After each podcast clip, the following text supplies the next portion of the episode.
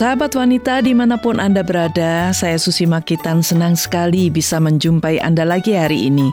Bagaimana kabarnya? Semoga Anda dalam keadaan baik-baik saja dan sehat selalu. Hari ini kembali wanita berpengharapan akan memberi wawasan kesehatan kepada Anda dan kali ini mengenai penyebab pilek berkepanjangan bersama Dr. Megawati. Dan setelah itu saya lanjutkan dengan memberi siraman rohani untuk Anda dengan topik burung merak. Semoga semuanya akan menjadi berkat buat Anda dan selamat mengikuti.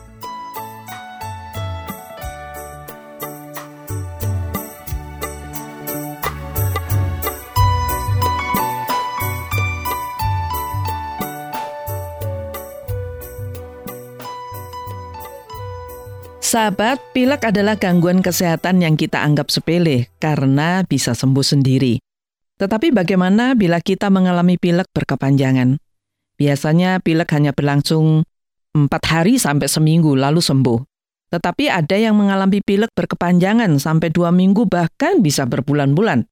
Nah, apa penyebab pilek berkepanjangan dan bagaimana mengatasinya? Saya akan berbincang-bincang dengan Dr. Megawati mengenai pilek berkepanjangan dan bagaimana mengatasinya. Dan Dokter Megawati sudah bersama saya saat ini. Apa kabar dok hari ini? Baik-baik saja Bu Susi. Hmm, agak kurang sehat ya. ya, begitulah. Begitulah. Dok, kita akan berbicara mengenai pilek ya.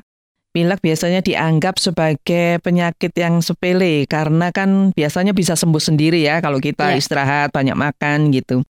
Nah, bagaimana kalau ada orang yang mengalami pilek berkepanjangan? Ini apa sebabnya, Dok? Ya, seperti kata Bu Susi tadi, sebenarnya pilek itu kan bisa sembuh sendiri ya. Mm -hmm. Kalau berkepanjangan itu berarti kemungkinan bisa karena alergi. Oh, begitu ya. Bisa alergi karena ya. sinusitis. Mm -hmm. Jadi sinusitis itu peradangan mm -hmm. ya pada jaringan yang melapisi rongga sinus. Sinus itu adalah rongga udara yang ada mm -hmm. di, di hidung, hidung, mm -hmm. ada di tulang pipi dan ada di atas mata. Ada tiga oh, tempat. ada tiga tempat iya. itu ya dok. Terus nah, juga itu yang menyebabkan pilek iya, ya. Ada polip hidung, mm -mm. asma. Oh.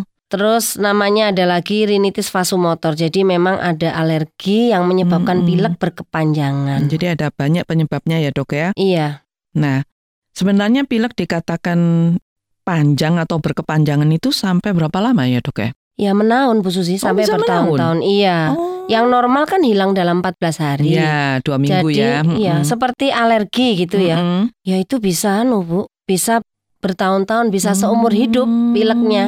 Pilek terus ya. ya. misalnya alerginya karena udara dingin. Nah, hmm. jadi bisanya ya dia pindah ke daerah yang panas, panas baru gitu. sembuh. Oh. Kalau enggak ya seumur hidup. Itu yang alergi udara berarti ya. Iya. Jadi nggak bisa di tempat dingin, dia harus pindah baru pileknya sembuh gitu. Iya, iya. Hmm, jadi sampai bisa menahun ya dok ya? Iya, bertahun-tahun. Dan ini siapa yang paling berisiko mengalami pilek berkepanjangan ini dok? Ya berarti yang pertama adalah orang-orang yang secara genetik punya alergi. Alergi ya, iya. jelas itu yang utama ya punya alergi ya dok ya? Iya, alergi mm -mm. apa pun, alergi debu ya pilek. Pilek ya. Itu juga. Mm. Yang punya polip hidung, polip hidung itu adalah pembengkakan selaput hidung yang terjadi di dalam saluran hidung. Mm -mm, ya Jadi kadang-kadang tidak itu. ada gejala. Polip itu seperti ada tumor. Mm -mm. Isinya sebenarnya adalah cairan. Mm -mm. Nah, dia kalau dalam keadaan udara dingin, mm -mm. dia membesar. Oh. Kalau udaranya panas, mm -mm. dia mengecil. Oh. Padahal dia ada di rongga hidung mm -mm. nih. Kalau dia membesar kan otomatis hidungnya jadi tersumbat. Sumbat, ya itu pilek. Iya. Ya, bisa nah, tersumbat ya. Kalau misalnya memang ada polip itu mm -mm. nanti polipnya ya harus dibuang, dioperasi mm -mm. biasanya dengan cara dibakar, dinyos. Oh. Itu dibakar, hilang supaya dia hilang gitu ya. Jadi kalau misalnya yang alergi udara tadi ya misalnya udara dingin dia harus pindah ke panas gitu mengatasinya. Kalau iya. polip ya bisa diambil polipnya gitu Jadi ya dok yang ya. berisiko itu ya orang-orang yang alergi, orang-orang yang punya polip hidung, Mm-mm. orang Terus- yang punya sakit sinusitis itu tadi yang saya katakan ada ya. peradangan pada sinus, Oh. namanya sinusitis. Yang ada tiga tempat tadi itu Iya, ya dok ya. itu Mm-mm. Semuanya berisiko Untuk pilek pilek berkepanjangan. berkepanjangan. Kalau untuk sinus bagaimana? Dia harus diobati sinusnya atau? Kalau sinus itu kan seperti ini. Sinus itu sebenarnya adalah rongga kosong ya Bu Susi ya. Mm-mm. Isinya udara, Ya. ada di bawah mata jadi di tulang Mm-mm. pipi, ada di atas mata, terutama di dahinya itu kecil, Mm-mm. ada di dekat hidung. Udara ini fungsinya untuk resonansi. Jadi untuk supaya udaranya ini keluar masuknya baik. Hmm. Nah, kalau ada sinusitis itu berarti ruangan kosong ini isinya lebih mudah dikatakan isinya seperti nanah atau seperti seperti pilek cairan itu, ya, cairan. cairan yang Nah, kental itu ya dok ya. cairan yang kental. Akibatnya dia bisa menyebabkan infeksi di sekitarnya, Hmm. menyebabkan dia sakit kepala dan akhirnya juga bisa merusak sinus itu. Oh, Nah, caranya penanganannya ya dengan cara sinus ini dilubangi, dilubangi. dilubangi jadi seperti operasi gitu ya, Mm-mm. ditusuk krek gitu. Itu kan ada tulangnya. Mm-mm. Terus dikeluarkan cairannya Mm-mm. semua. Hmm. Kalau yang memang masih penuh cairan ya, Mm-mm, mm-mm. itu dikeluarkan semua terus diberi obat Mm-mm. untuk mengeringkan. Mm-mm, Gitu loh, Bu Susi. mm-mm. Pada mereka-mereka yang sakit sinusitis secara menaun biasanya sudah tidak ada cairannya. Hmm. Tapi lapisannya di dalam sinus itu menjadi Hmm. lebih tebal. Nah, itu juga yang bisa menyebabkan gampang pilek. gampang pilek Mm-mm. gitu ya dok ya. Terus kita berbicara kalau orang itu pileknya berkepanjangan sampai dokter bilang tadi tahunan ya. Mm-mm. Itu dampaknya apa untuk tubuh kita nih kalau pilek terus sampai lama sekali itu dok? Yang jadi masalah itu bila disertai sakit telinga, Mm-mm. sesak nafas, sulit menelan, gitu-gitu leher kaku dan lain Mm-mm. sebagainya. Jadi pilek ini pada mulanya adalah karena alergi misalnya. Mm-mm. Berarti kan tidak ada bakteri. Mm-mm. Tapi lama kelamaan kan bisa ada bakteri. oh Nah, begitu ya. Bakteri Mm-mm. ini menyebabkan infeksi. Hmm. Infeksinya tidak hanya di di hidung saja karena Mm-mm. hidung, telinga, tenggorokan kan telinga ya, tenggorokan ya. itu kan Mm-mm. berhubungan. Mm-mm, Jadi ke situ. Loh, itu Mm-mm. juga berhubungan ke otak. Bisa Mm-mm. menjadi meningitis, Hmm. bisa jadi menjadi radang otak, Hmm. bisa meninggal dunia. Oh begitu Jadi ya, Dok, ya? macam eh, kalau pilek berkepanjangan itu yang berbahaya seperti itu. Tapi kalau yang biasa saja ya jadinya ya mestinya sekitar ya nggak berhenti berhenti ke mana-mana sudah itu. Hmm. Bisa juga jadi infeksi di paru, infeksi di Hmm. jadi batuk pilek Mm-mm. begitu. Jadi yang jelas dia mempunyai efek yang tidak baik ya untuk tubuh kita ya, Iya. bisa ke otak tadi itu ya, Mm-mm. bakterinya ya, seperti itu. Jadi memang dampaknya buruk ya kalau berkepanjangan itu ya dok ya. Iya. Nah sekarang bagaimana mengatasinya? Apa yang perlu dia lakukan untuk pertama kali? Misalnya dia nggak tahu kalau dia ada polip, dia nggak tahu kalau dia ada sinus gitu Iya. atau alergi itu bagaimana? Periksa ke dokter. Mm-mm. Jadi kalau pilek lebih dari dua minggu, Mm-mm. jadi sistemnya seperti ini. Kalau kita pilek dibiarkan saja kebanyakan Mm-mm. karena virus. Mm-mm. Kalau lebih dari dua minggu berarti kita harus periksa. Oh, lebih dari dua minggu Iya, ya. berarti harus Mm-mm. periksa entah Mm-mm. apakah sinusitis, entah itu Ada polip, entah itu mm-mm. alergi, Alergi. diperiksakan dulu. Mm-mm. Nanti setelah itu dokter akan melihat faktor-faktor apa penyebabnya. Kok Hmm, panjang kok ini panjang, gitu. Nah, iya. setelah itu diselesaikan. Kalau misalnya Hmm, karena alergi itu sudah tidak bisa diapa-apakan ya berarti Hmm. menjauhi alergennya saja yang oh, menyebabkan dia gitu alergi. Ya, Mm-mm. Ya kalau polip ya dioperasi, kalau Hmm. sinus ya dioperasi ya seperti itu. Mm-mm. Nah, kalau misalnya orang punya itu ya, alergi udara, terus ada polip, terus apa itu. Nah, ini cara mencegahnya supaya dia tidak mengalami pilek berkepanjangan bagaimana, Dok? Sebenarnya kalau polip atau sinus itu tidak bisa dicegah ya. Nggak Maksudnya bisa ya. maksudnya itu kan infeksi ya. Mm-mm. Tapi kalau alergi itu yang bisa dicegah. Hmm. Atau mungkin bisa dicegah. Kalau polip itu kan sebenarnya tumor jinak Bu Susi. Mm-mm, Jadi kita mm-mm. belum tahu apa sebabnya itu kita Belum tidak tahu. ya. Nah itu Mm-mm. kita nggak tahu cara mencegahnya. Mm-mm, ya. mm-mm, ya, Tapi ya, kalau ya. misalnya alergi itu bisa. Bisa cara ya, mencegahnya mm-mm. bisa. Alergi dengan cara olahraga, Mm-mm. makan makanan yang sehat, Mm. hindari alergen. Karena kalau Hmm, olahraga orang itu akan meningkatkan daya tahan Daya tubuh. tahan tubuh ya. Sehingga gitu. tidak mudah untuk sakit. Mm-mm. Hanya itu saja. Ya kalau misalnya sudah polip tadi itu kita nggak bisa buat apa-apa, nggak bisa mencegah itu ya dok ya. Kalau mau timbul ya timbul gitu ya Iya. polipnya. Tapi yang untuk alergi udara tadi kita bisa mencegahnya dengan olahraga, dengan Mm-mm. makan makanan yang bergizi Iya, gitu ya dok mm-mm. ya. Oke baik sekali, terima kasih atas penjelasannya dok. Semoga ini bermanfaat untuk pendengar semua. Sampai jumpa di lain kesempatan. Sampai jumpa Bu Susi.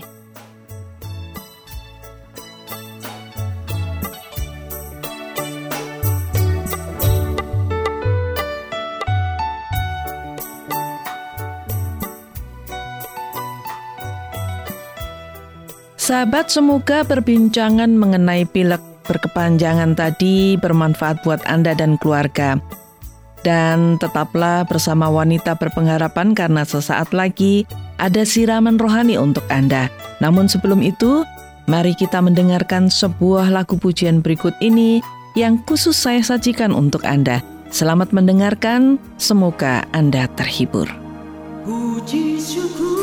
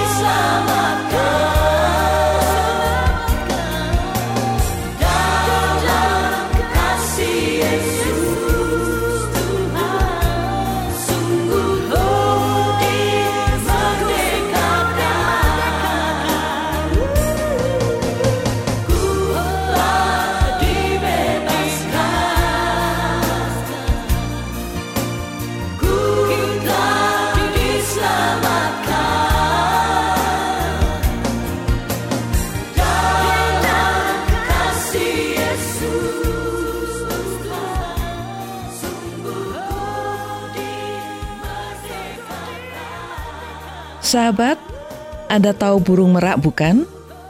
Ya, kita bisa melihat dan menyaksikan keindahan burung merak di hampir semua kebun binatang yang ada di Indonesia. Burung merak terkenal dengan keindahan bulunya. Bila burung merak sedang mengembangkan ekornya, kita bisa melihat beraneka ragam warna yang sangat indah. Burung merak merupakan burung paling besar yang dapat terbang. Warna bulu burung merak ada berbagai macam. Burung merak India memiliki bulu dada serta jambul berwarna biru. Sedang burung merak Jawa berwarna hijau. Burung merak jantan memiliki bulu ekor yang indah dan sangatlah panjang, serta lebar. Ekor indah ini digunakan untuk menarik burung merak betina. Waktu menari, burung merak jantan dapat meningkatkan ekornya jadi kipas besar yang sangatlah indah. Beberapa orang kagum pada bulu burung merak serta ingin memilikinya. Orang akan sabar menunggu untuk menyaksikan burung merak mengembangkan ekornya. Setiap orang kagum akan keindahan bulu burung merak, dan tentu saja orang akan kagum dengan Sang Pencipta burung merak itu sendiri, yaitu Tuhan. Tuhan Sang Pencipta sungguh luar biasa. Tuhan adalah Pencipta dan Pelukis yang agung. Sahabatku, burung merak membuat orang kagum bukan saja kepada burung merak itu sendiri, tetapi kagum akan Sang Pencipta burung merak itu, yaitu Tuhan. Tidak bisa dibayangkan betapa besar dan hebatnya Tuhan kita. Dan burung merak diciptakan seolah-olah untuk mengingatkan kita kepada Tuhan, Sang Pencipta kita. Burung merak memang bukan satu-satunya ciptaan Tuhan yang mengagumkan. Ada jutaan binatang, tanaman, dan alam raya ini yang mengingatkan kita akan kebesaran dan kehebatan pencipta kita. Nah, bagaimana dengan manusia? Apakah hidup manusia juga bisa mengagumkan seperti burung merak? Tentu saja bisa, karena manusia merupakan ciptaan Tuhan yang paling mulia, dan Tuhan juga menginginkan hidup manusia mengagumkan dan membuat manusia memuliakan penciptanya, yaitu Tuhan. Manusia sangat berbeda dengan binatang atau ciptaan Tuhan yang lain.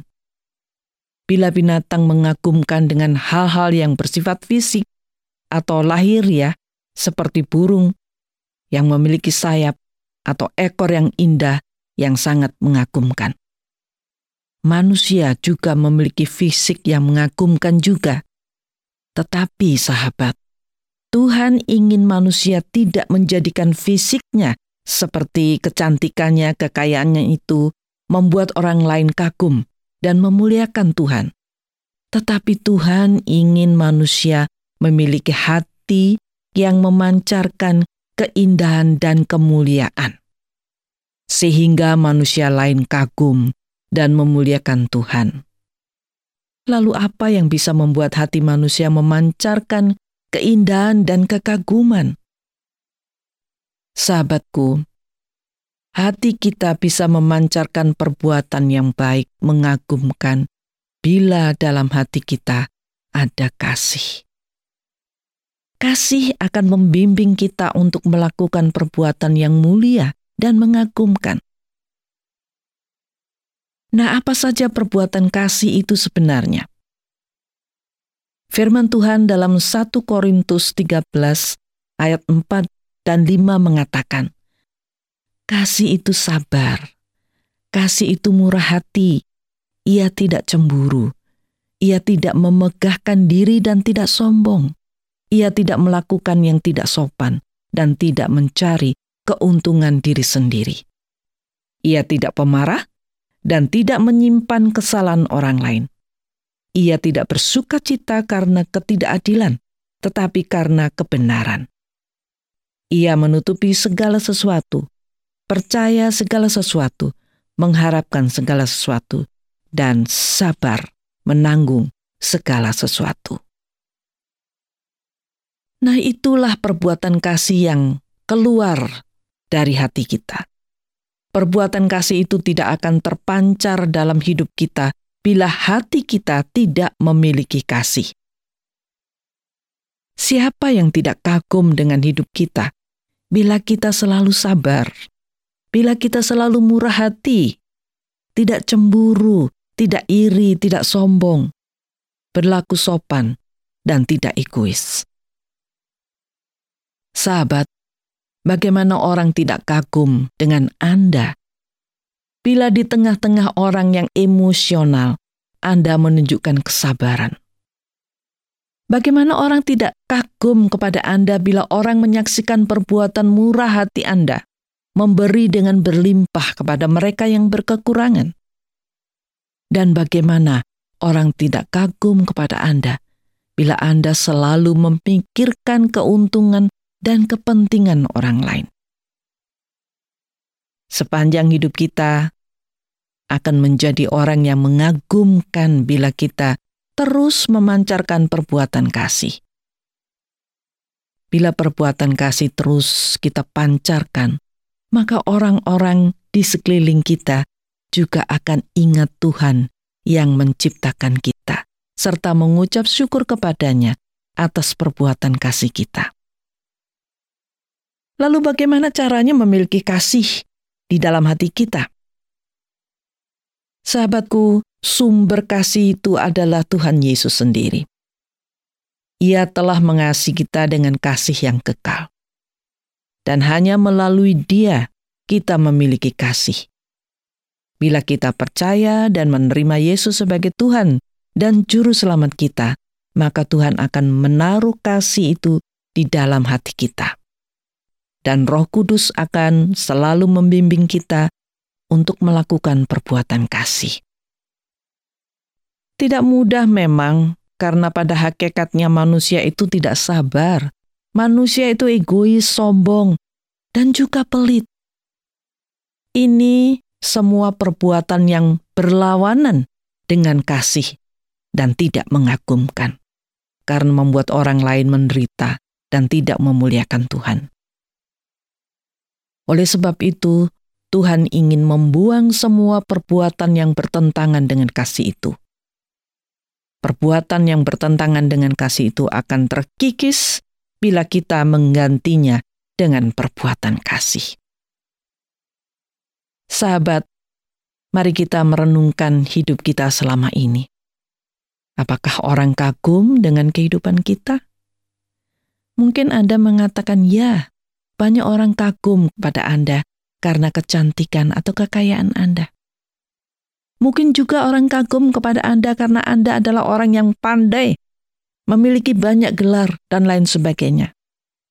Hal-hal itu memang bisa mengagumkan, tetapi Tuhan ingin Anda dikagumi melalui perbuatan kasih Anda.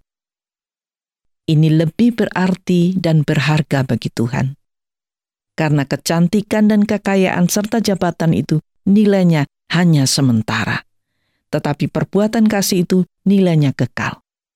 Tuhan akan mencatat di surga.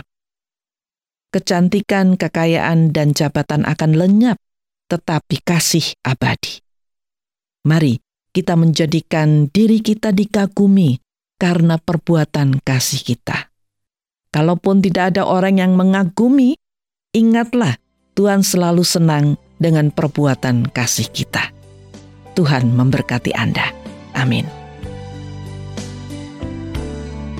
Aku selalu bersyukur kepadamu Yesusku dengan segenap hatiku dan memuliakan namamu sebab kasih setiamu sangat besar kepadaku. Yesusku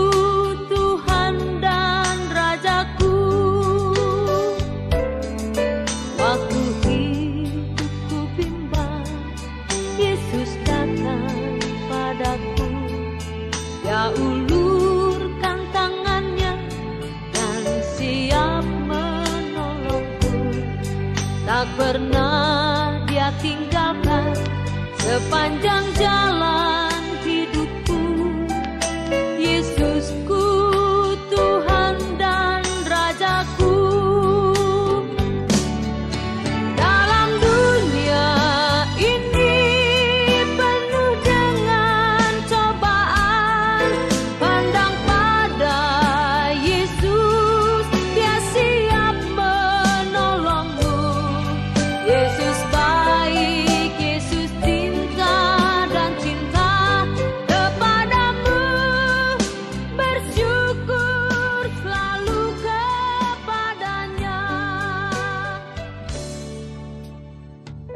Sahabat wanita berpengharapan tak terasa waktu berjalan cepat dan selesai sudah seluruh acara wanita berpengharapan untuk hari ini. Semoga seluruh sajian kami hari ini bermanfaat buat Anda. Dan bila Anda ingin membagikan pengalaman hidup Anda atau Anda ingin menanyakan tentang kesehatan atau hal-hal yang lain, langsung saja hubungi wanita berpengharapan melalui SMS atau WA ke nomor 081 333 777 386.